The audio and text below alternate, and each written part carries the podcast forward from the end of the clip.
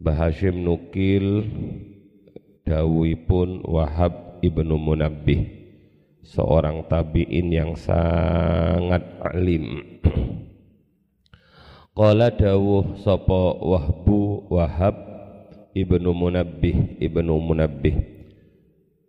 Biasanya nanti kalau kalian belajar ilmu tafsir akan banyak menemukan kisah-kisah Israiliyat yang disampaikan oleh Wahab bin Munabbih. Yatasha'abu minal ilmi asyarafu wa in kana sahibuhu dani'an wal izzu wa in kana muhanan wal qurbu wa in kana qasiyan wal ghina wa in kana faqiran wal mahabatu wa in kana wadi'an yatasha'abu ngepang-ngepang ngepang yatasha'abu maka ada istilah kitab syu'abul iman cabang-cabang. Bercabang-cabang. Ya, gambaran bercabang-cabang itu pohon punya cabang, cabang punya ranting, ranting punya buah. Yatasya'abu ngepang bercabang minal ilmi saking ilmu. Apa yang bercabang-cabang kasih nomor satu. Nomor satu, asyarafu kemuliaan. Asyarafu kemuliaan wa ingkana senajan onu sapa sahibuhu wong kang duweni ilmu iku dani an hina nomor dua. Wal izzu ay yatasha'abu minal ilmi al izzu gitu. Wal izzu lan keluhuran. Wa ingkana sanajan onu sopo. Wa ingka nalan sanajan onu sopo sahibuhu iku muhanan wong kang din hina ada orang itu hina karena memang hina tapi ada orang yang tidak hina sebenarnya tapi dianggap hina. Yang nomor tiga wal kurbu itu atof kepada yatasya'abu minal ilmi al qurbu. Wal qurbu nomor tiga parak kedekatan wa ingkana sanajan onu sopo sahibuhu iku kosian wong kang adoh nomor empat wal ghina lan sukih cukup Yang penting bukan kaya, cukup. Pingin apa-apa bisa, itu namanya cukup. Pingin umroh bisa, pingin haji bisa, pingin sodakoh bisa, itu namanya sudah cukup gina. Nah. Wal ghina lan sukih wa ingkana sanajan onu sopo sahibuhu iku fakiron wong kang fakir. Nomor lima wal mahabatu wal mahabatu lan wibawa ilmu itu akan menambah kewibawaan.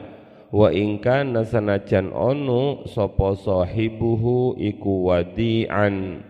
Wong kang asor. Wong kang asor. Wa ansyadu wa ansyadu fi ma'nahu. Wa ansyadu lan bernasyid. Nembang sapa Wahab ibnu Munabbih fi maknahu ing dalem sepadani semakna qauluhu.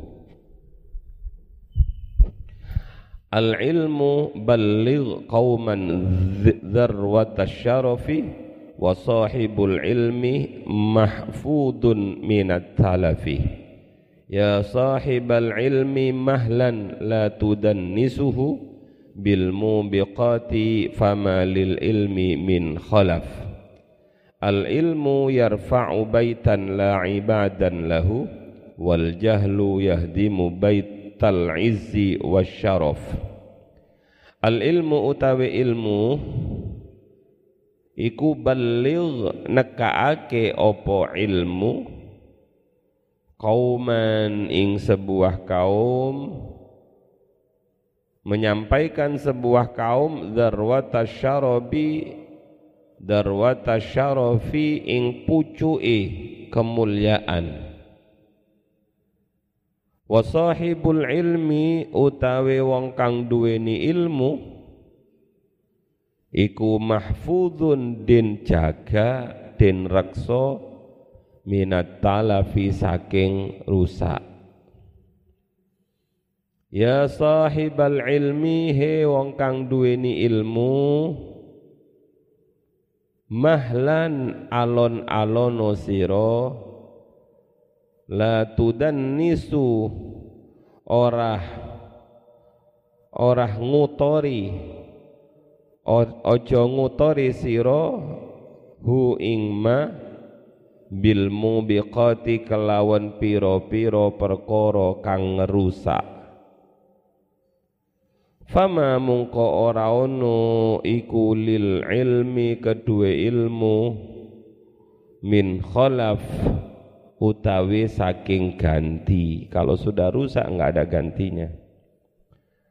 Al ilmu utawi ilmu iku yarfa'u ngangkat opo ilmu ngangkat membangun meninggikan menguatkan baitan ing omah La imada kang ora ono cagak iku maujud lahu kedue omah, lahu kedue bait.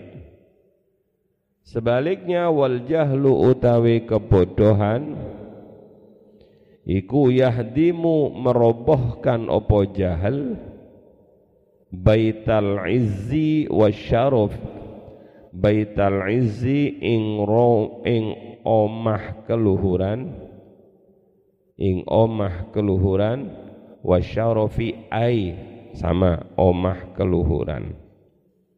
Cukup dimaknai diartikan saja. Wahab ibnu Munabbih seorang tabi'in yang memiliki keistimewaan memahami kitab-kitab samawi karena memang beliau mempelajari kitab-kitab sebelum yang diturunkan kepada Nabi Muhammad. Uh, sehingga beliau paham betul tentang kitab-kitab sebelumnya Taurat, Injil, Zabur itu beliau sangat paham. Dan dalam tafsir kita sering menemukan kisah-kisah Israiliyat yang dinisbatkan kepada Wahab ibnu Munabbih Beliau punya punya keistimewaan. Salah satunya adalah kalau sholat isya itu tembus sholat subuh tidak wudhu tidak wudhu itu kemasan. Maksudnya nggak batal wudhunya mulai isya sampai subuh. Saking qiyamul lailnya luar biasa Beliau dalam hidup itu nggak pernah sama sekali mencaci, bahkan beliau nggak mau mencaci-caci makhluk yang tidak tidak ada salah pada pada dia. Ada angin keras, beliau tidak mencaci angin. Ada beledek, beliau tidak mencaci beledek. Karena beliau adalah orang yang sangat mengikuti apa yang diajarkan oleh Rasulullah. Wajar kalau beliau adalah orang yang sangat dikagumi oleh para tabi'in sehingga banyak para tabi'in yang meminta ilmu kepada beliau. Beliau lahir pada tahun 665 Masehi, wafat pada tahun 738 Masehi. Berarti berapa itu, Nak? 738 eh, dikurangi 665. Nasihat beliau tentang ilmu itu luar biasa ada lima kesimpulan yang disampaikan beliau. Kalau orang itu punya ilmu tambah-tambah cabang-cabang bahasanya yatasya'abu minal ilmi akan bercabang-cabang namanya cabang itu terus berkembang. Namanya pohon itu cabangnya itu terus mengeluarkan cabang baru cabang baru cabang baru yang tidak akan pernah berhenti sehingga pohon itu kelihatan lebat sekali Dan cabang-cabang itulah biasanya tempat buah-buahan. Lah cabang-cabang yang akan muncul dari ilmu itu satu kemuliaan. Kemuliaan pada pemilik ilmu itu sekalipun pemilik ilmu itu adalah orang yang hina, orang rendah. Apalagi orang yang punya kedudukan tinggi. Orang hina saja bisa bertambah-tambah kemuliaannya karena dia punya ilmu. Yang pertama, yang kedua sama keluhuran. Sekalipun orang itu pada awalnya adalah orang yang tidak diindahkan, orang yang tidak direken, orang yang diremehkan di tengah masyarakat, tapi kalau dia punya ilmu, dia akan dimuliakan. Yang ketiga wal kurbu wa ingkana qosiyan orang itu akan menjadi orang yang dekat, dekat dengan Allah, dekat dengan kiai, dekat dengan orang alim, dekat dengan masyarakat. Wa in kana qasiyan sekalipun orang itu kelihatan jauh.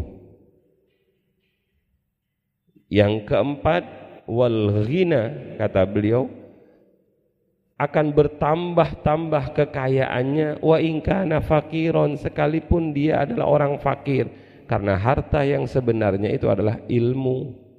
Oleh karenanya ketika Rasulullah wafat beliau tidak mewariskan harta tapi mewariskan ilmu. Karena dengan ilmu orang akan memiliki harta. Sebagaimana Nabiullah Sulaiman alaihi salam suatu saat beliau ditawari pilih harta, jabatan apa ilmu? Beliau pilih ilmu. Dengan ilmu beliau menjadi raja juga. Ya Sulaiman kamu pilih jabatan raja atau ilmu? Kata Nabi Sulaiman saya pilih ilmu saja. Karena beliau memilih ilmu maka jabatan raja juga dia dapat. Sayyidina Ali juga pernah ditawari ya Ali lebih bagus mana antara ilmu dengan harta? Kata Sayyidina Ali ya jangan dibanding. Jelas ilmu lebih mulia dibandingkan harta. Kenapa? Karena ilmu itu akan menjadikan orang yang fakir menjadi kaya. Wal mahabatu yang kelima, cabang-cabang yang muncul ketika seseorang itu punya ilmu adalah dia akan wibawa. Wibawa disegani, dipatuhi. Kenapa? Karena dia punya ilmu. Wa ingkana wati'an sekalipun di tengah-tengah masyarakat asalnya orang itu adalah orang rendah orang Asor. Maka anak-anakku banyak sekali kisah-kisah yang mendukung keterangan ini. Berapa banyak orang-orang yang mohon maaf tidak punya keturunan mulia, tapi karena ilmu dia kemudian menjadi mulia. Berapa banyak orang yang keturunannya orang miskin, tapi dengan ilmu dia menjadi kaya dan seterusnya dan seterusnya. Sudah kalian bisa mencari sendiri contoh-contoh itu. Al ilmu dalam sebuah nasyid beliau berkata al ilmu balligh qauman dzarwata syaraf. Ilmu itu akan menyampaikan sebuah komunitas masyarakat pada puncak kemuliaan. Wa sahibul ilmi mahfudun minat talab orang yang punya ilmu akan dijaga dari kerusakan. Bukan hanya kerusakan dalam arti fisik, fisik memang orang yang punya ilmu itu kelak pada hari kiamat belum sampai pada hari kiamat di alam kubur kalau semua jasad itu hancur semua orang yang mati itu badannya hancur orang yang punya ilmu tidak akan hancur banyak sekali cerita-cerita yang kita dapat dari uh, Abah Jamal yang lain-lain begitu digali kuburan ternyata utuh. Setelah diselidiki ternyata salah satunya karena memiliki ilmu yang manfaat. Itu loh yang pernah terjadi di daerah Jawa Barat. Ada seorang guru ngaji dia dimakamkan di belakang masjid Kemudian karena perluasan masjid, makam itu harus dipindah. Begitu dipindah padahal sudah lebih dari 35 tahunan makom itu. Begitu diangkat ternyata kain kafannya masih utuh, tidak sobek. Padahal logikanya kain itu kalau sudah dipendam di dalam tanah pasti sobek karena tanah memiliki kekuatan yang tidak dimiliki oleh deterjen. Sehingga kalau kalian belajar fikih itu ada kain yang dijilat oleh anjing, cara mencucinya harus dicuci berapa kali? Tujuh kali. Ihdahun nabi turab. Salah satunya harus dikum dengan debu dengan tanah. Kenapa? Karena tanah punya kekuatan yang luar biasa bisa meng menghilangkan virus yang disebabkan oleh anjing. Sehingga kalau kalian cobalah kalian pendem sebuah kain satu bulan kalian ambil pasti dia sudah lapuk tapi ini lebih dari 35 tahun gak hancur kainnya, apalagi jasadnya. Kainnya saja yang nempel pada jasad mulia ini gak hancur, apalagi si jasadnya itu. Ketika ditanya siapakah orang ini, ternyata orang ini adalah seorang kepala KUA, kantor urusan agama, yang biasa menikahkan orang itu, tapi beliau punya ilmu Al-Quran setiap pulang dari bekerja beliau ngajari anak-anak kecil Al-Quran. Dulu belum ada TPQ nah, karena punya ilmu maka wasahibul ilmi mahfudun minat talaf. Ya sahibal ilmi mahlan la tudannisuhu bil mubiqat fama lil ilmi min khalaf Wahai orang yang punya ilmu, hati-hati, hati-hati. Jangan kau kotori ilmunya itu dengan sesuatu yang merusak.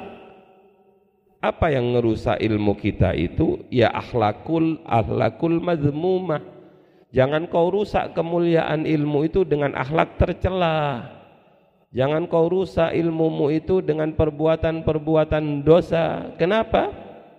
Coba lihat fama fama lil ilmi min khalaf karena tidak ada ganti dari ilmu.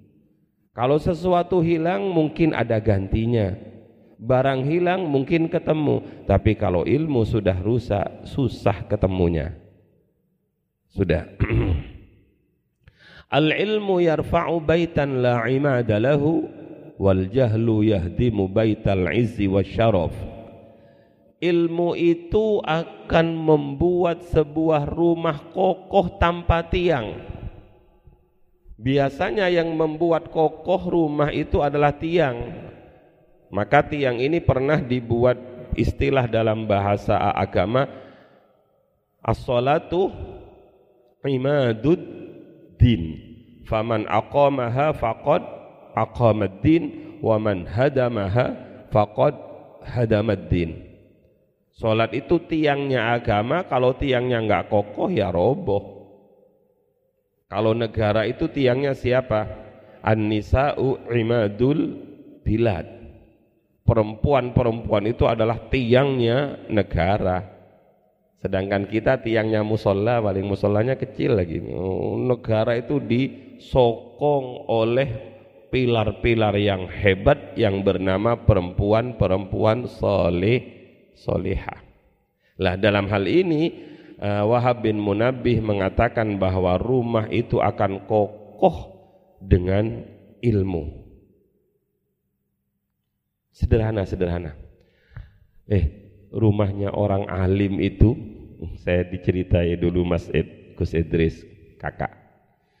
Uh, suatu saat ada tamu yang bilang kepada Kiai Muhammad Idris, bilang begini, Gus, Muhibbin itu dikasih uh, gerbangnya itu dikasih otomatis gitu Biar kalau ada kiai lewat, abahmu lewat langsung penjet otomatis bisa masuk keluar masuk keluar pintunya itu. Katanya Mas Idris, Monggo nderek kula, ikut kula.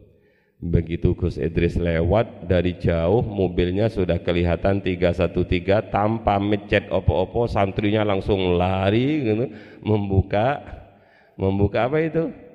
Membuka pintunya itu lebih kuat dibandingkan alarm otomatis. Kenapa? Karena Abah Jamal punya ilmu, Gus Idris punya ilmu. Para habaib itu yang menjaga rumahnya bukan satpam. Siapa yang menjaga rumahnya? Ya ilmunya. Ilmunya yang akan menjadikan rumahnya aman, ilmunya yang akan menjadinya menjadikan rumahnya koh, kokoh. Maka bahasa yang sederhana, rumah kokoh tanpa tiang itu ada ndak? Ada. Apabila pemilik rumah itu memiliki il, ilmu. Sedangkan sekalipun rumahnya itu kokoh, maka rumah itu akan roboh apabila di dalamnya diisi oleh orang-orang yang bodoh. Ah, kokohnya rumah itu anak-anak bisa kalian maknai fisik rumah itu tapi bisa kalian artikan keberkahan kekokohan rumah itu ditentukan oleh siapa yang berada di rumah itu. Kalau di dalam rumah itu ahlul ilmi, maka rumah itu akan menjadi rumah yang kokoh barokah. Tapi kalau yang punya ilmu itu, yang punya rumah itu tidak memiliki ilmu, maka rumah itu akan menjadi rumah yang suwung. Maka kalian bisa menggabung-gabungkan ini Jangan kau jadikan rumahmu seperti kuburan yang angker. Kenapa? Karena di dalamnya tidak dibacakan ilmu terutama Al-Qur'an. Jadi kemuliaan sebuah rumah itu karena ilmu. Uh, sudah. Jadi orang-orang yang rendah itu orang-orang yang kelihatannya asor itu kalau dia punya ilmu pasti dia akan menjadi mulia banyak sekali ceritanya kiai-kiai, kiai-kiai zaman dahulu itu ketika dilihat dia anaknya seorang petani. Tidak keturunan raja, tidak keturunan orang-orang besar, tapi kemudian karena dia punya ilmu diangkat derajatnya oleh Allah. Ini sederhana saja. Kalian tahu siapa Bilal? Bilal bin Rabah itu siapa? Dia seorang budak tapi luar biasa dia derajatnya apa derajatnya Bilal yang yang diakui oleh kanjeng Nabi Bilal masih di dunia tapi suara telompah kakinya suara bakiyaknya itu sudah sampai di sor di sorga Kenapa? Karena Bilal punya ilmu. Apa ilmunya Bilal itu? Ilmunya Bilal itu wudhu sebelum masuk waktu sholat. Padahal Bilal itu siapa sih Bilal itu? Bilal itu adalah budak Habasyi, orang yang hitam fisiknya, dia adalah orang yang diperjualbelikan, tapi di sisi Allah sangat luar biasa mulianya karena dia punya ilmu dan ilmunya itu diamalkan. Akhirnya dia menjadi kebanggaan baginda Rasulullah sallallahu alaihi wasallam uh, mudah-mudahan alhamdulillah saya dan ibu ditakdir kemarin amma binikmati rabbika hadis bisa sampai ke makomnya Bilal di Jordan. Mudah-mudahan kalian juga disampaikan amin Allahumma amin. Bilal itu katanya yang ngantarkan kami itu begitu Rasulullah wafat beliau langsung pergi ke Jordan. Dan di Jordan beliau enggak berani balik ke Madinah. Kenapa? Karena enggak kuat melihat makom Rasulullah karena enggak kuat melihat tempat-tempat yang pernah beliau lalui bersama baginda Rasulullah. Saking cintanya kepada baginda Rasul. Dan sejak saat Rasulullah wafat beliau sudah prei adan. Enggak mau adan. Kenapa? Karena setiap adan pasti semaput. Ingat Rasulullah satu kali beliau adan ketika diminta oleh cucu Rasulullah yang bernama Sayyidina Hasan dan Husain, akhirnya sahabat Bilal adan. Sahabat Bilal waktu itu pergi ke Madinah karena Rasulullah kangen. Datang dalam mimpinya sahabat Bilal, Rasulullah bilang, "Apakah kamu enggak kangen ke Madinah?" Aku wis kangen Bilal, Kenapa kamu kok nggak pernah menziarahi makomku? Uh, langsung bangun Bilal dan berangkat dari Jordan ke Madinah. Padahal dari Jordan ke Madinah itu oh, subhanallah jauhnya luar biasa. Kami naik apa itu naik naik bis saja berapa berapa jam, berapa hari jalan dari Jordan menuju ke Madinah karena dipanggil oleh Rasulullah. Ah mulianya Bilal karena punya il, ilmu. Terus waqala lan dawuh Sopo Abu Muslim Abu Muslim Al-Hawlani Abu Muslim Al-Hawlani radhiyallahu anhu Dawuhnya Abu Muslim Al-ulama'u fil ardi mithlun nujumi fis sama' Idza badat lin nasi ihtadau biha wa idza khafiyat anhum tahayyaru. Apa artinya? Al ulama utawi ulama piro-piro wong alim fil ardi di muka bumi iku mislun nujumi madani bintang. Madani bintang fis samai ing dalem langit Idza badat nalaikani tampak opo nujum linnasi kedue menungso ihtadau mongko oleh pituduh sapa nas biha kelawan nujum. Wa idza khafiyat lan nalaikani samar gak kelihatan opo nujum anhum saking nas tahayyaru mongko bingung sapa nas Alhamdulillah jadi perhiasan langit itu bintang kalau langit itu tanpa bintang seperti wajah tanpa jerawat. Kalau jerawatnya satu dua itu seperti bintang, seperti tai lalat. Tidak, guyon. Langit itu menjadi indah karena ada kelap kerlip bintang. Dan langit itu menjadi terang ketika ada kelap kerlip bintang. Jadi bintang itu menjadikan langit indah. Bumi tidak punya bintang tapi yang menjadikan bumi ini menjadi indah adalah ula, ulama kenapa? karena ulama itu seperti bintang pada langit bayangkan kalau tidak ada ulama di muka bumi lahalakan nas maka manusia akan rusak akan saling terkam akan saling menghalalkan akan saling beradu yang kuat pasti menang pasti seperti seperti hutan satu bintang. Tapi bintang itu bagi manusia, saya belajar dari Abah di Madura itu orang mau nanam itu melihat bintang. Kalau muncul bintang itu berarti sudah waktunya nanam jagung. Kalau sudah muncul bintang itu waktunya nanam padi karena sebentar lagi akan hujan. Kalau sudah muncul bintang di arah situ, itu berarti sebentar lagi beberapa hari ke depan pasti akan kemarau. Jadi bintang itu bukan hanya sekedar kelap-kerlip memperindah. Salah satu manfaatnya dia menjadi petunjuk bagi para petani. Demikian juga bintang itu bisa menjadi petunjuk bagi para nelayan dan lain sebagainya. Jadi apalagi bulan, bulan itu menjadi petunjuk. Kalau matahari susah menjadi petunjuk. Ini tanggal berapa ini?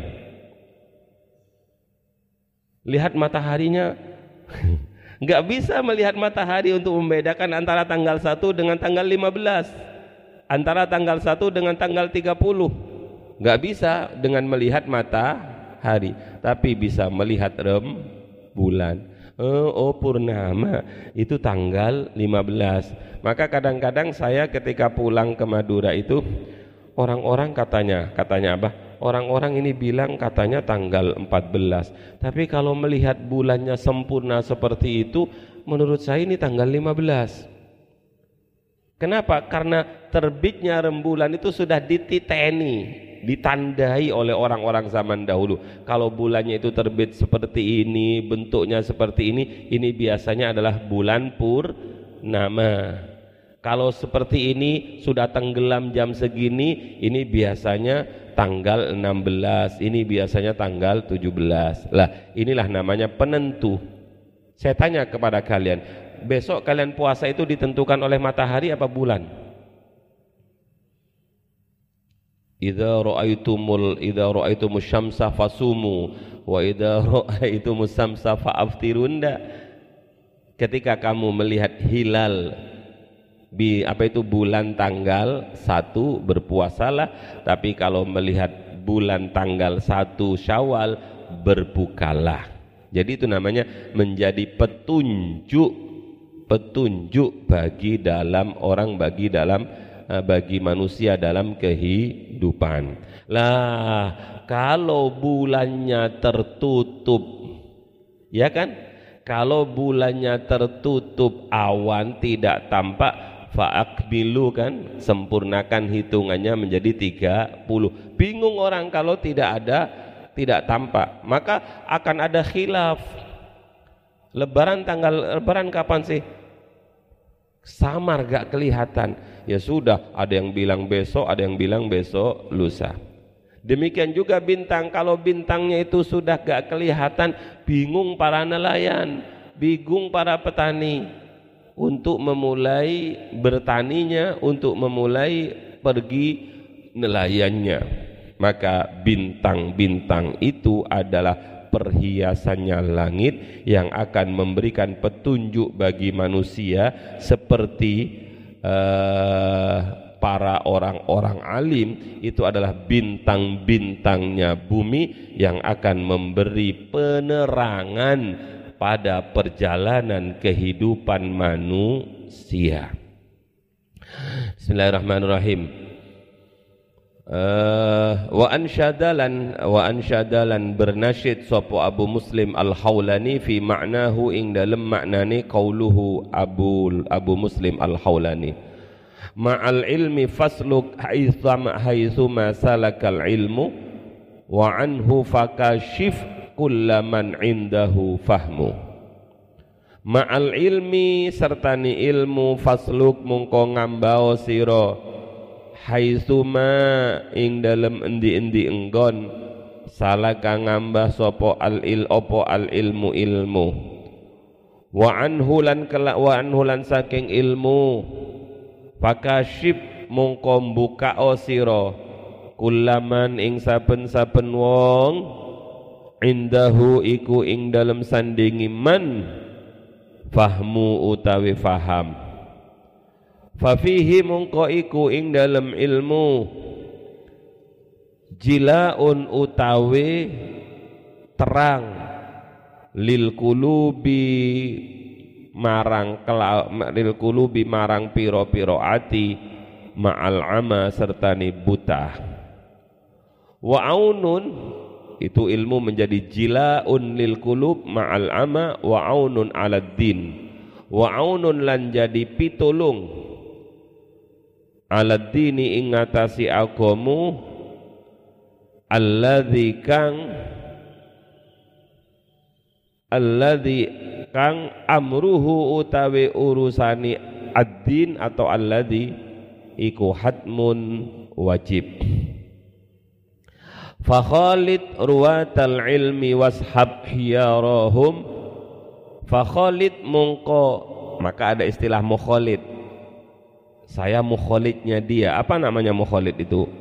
Kawan dekat.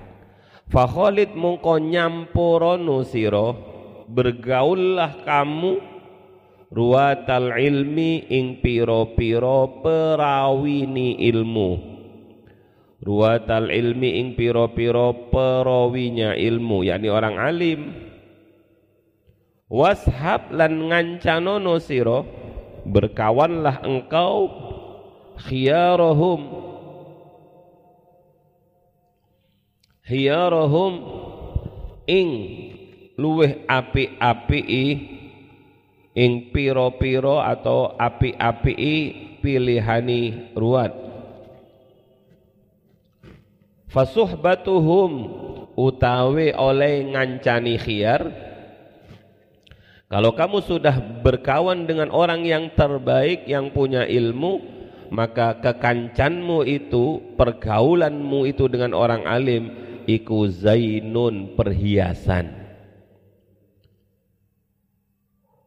Wa khiltuhum utawi oleh nyampuri ruwat utawi oleh nyampuri ruwat bermukhalid dengan orang-orang yang ahli ilmu itu iku ghanmun kauntungan iku ghanmun kauntungan seperti ghanimah mendapat keuntungan besar harta rampasan.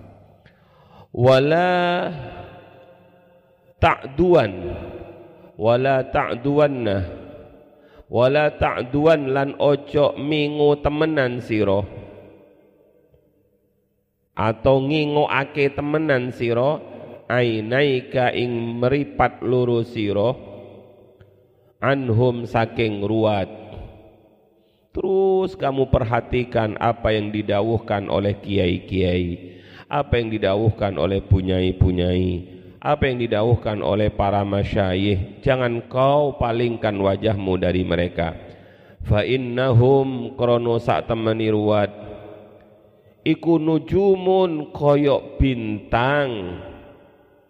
Koyok iku nujumun nujumu hudan gitu saja koyok bintangi petunjuk. In ghaba najmun bada najmun.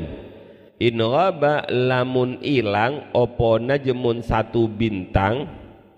Bada mongko tanpa opo najmun bintang yang lain.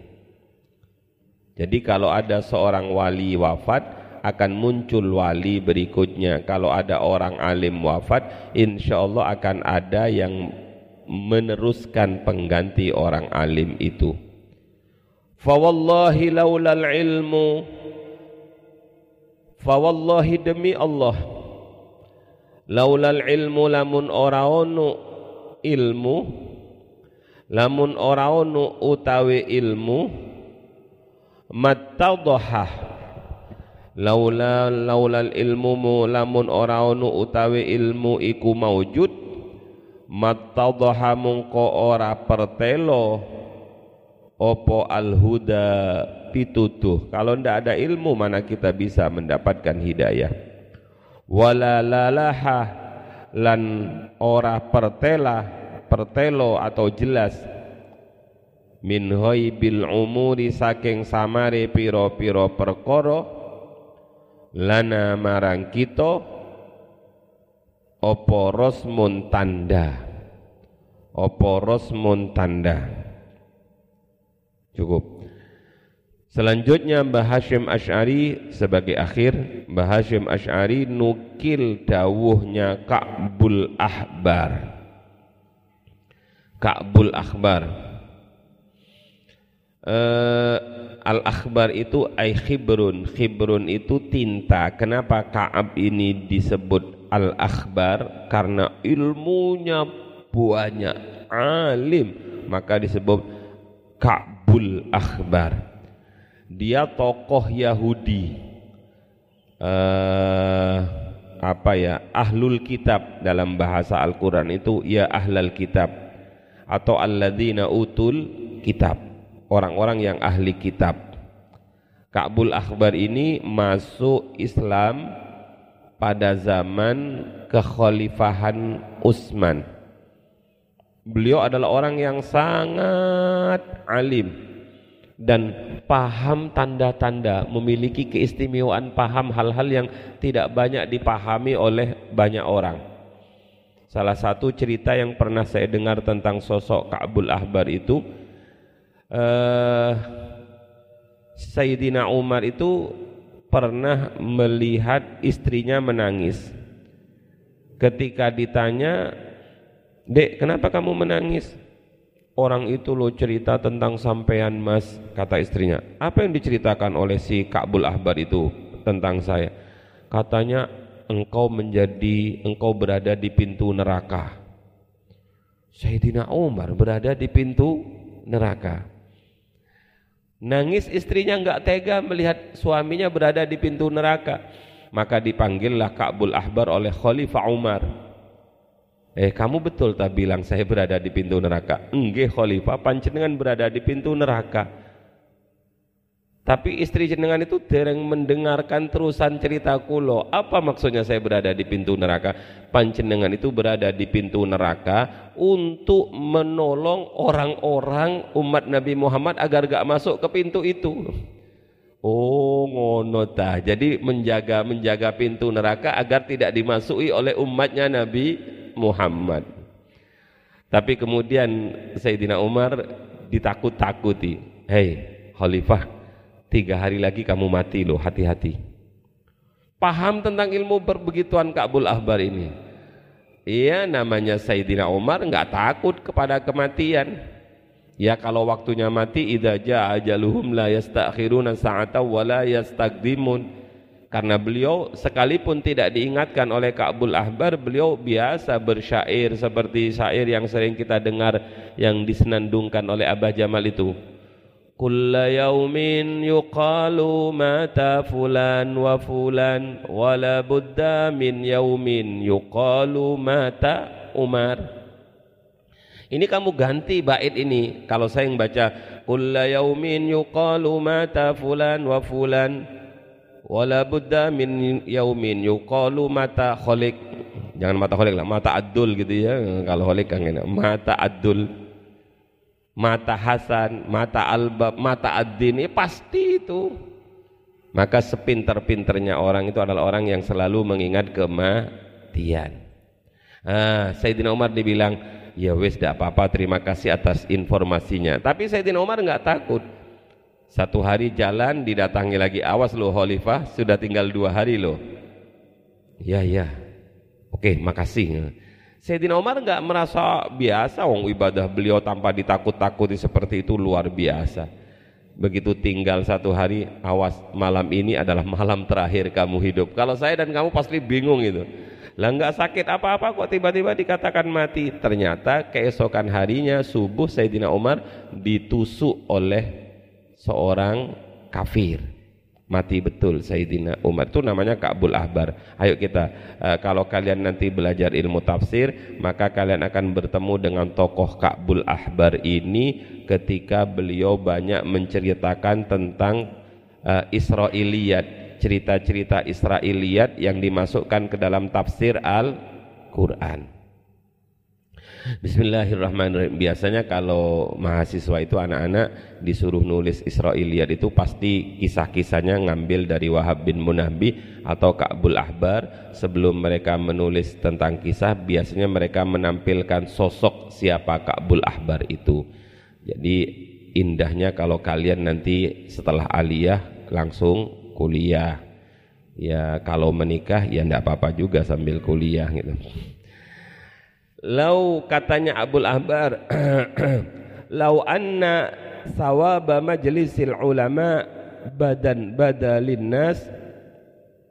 Lau anna sawaba majlisil ulama lamun sak temeni ganjarani majlis si piro-piro wong alim iku bada tampak kelihatan linnasi marang menungso seandainya pahala majlisnya orang-orang alim iku diperlihatkan kepada manusia kayak begini-begini nih.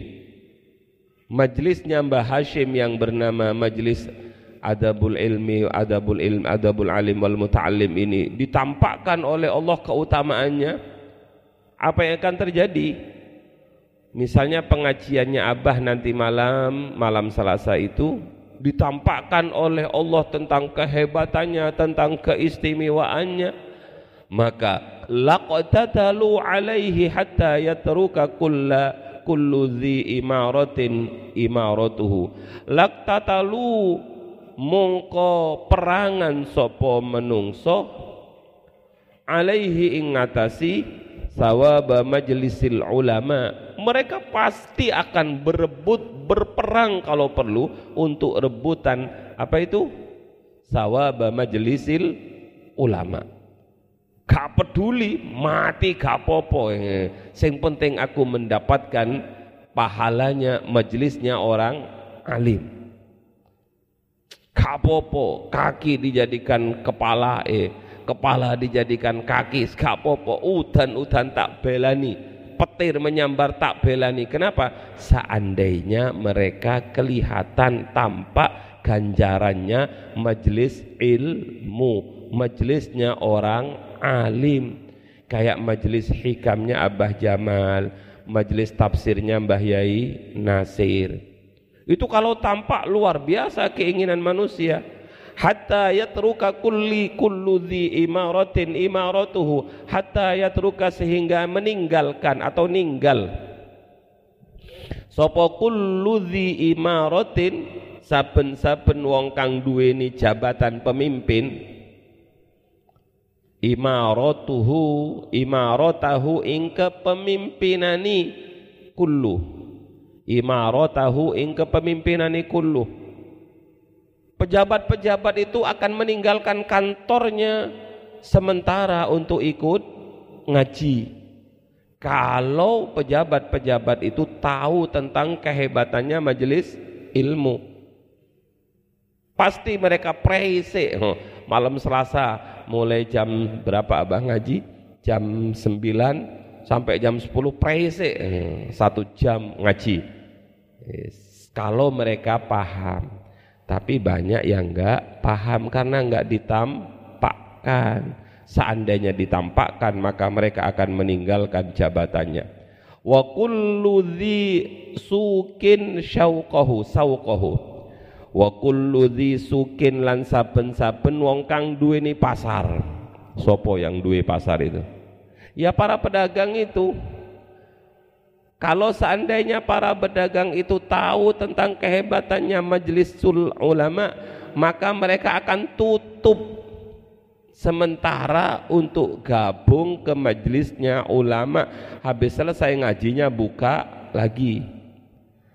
Apa itu? Wa kullu sukin lan saben-saben wong kang duweni pasar sukohu ing ninggal sukohu ing pasare kullu dhi sukin.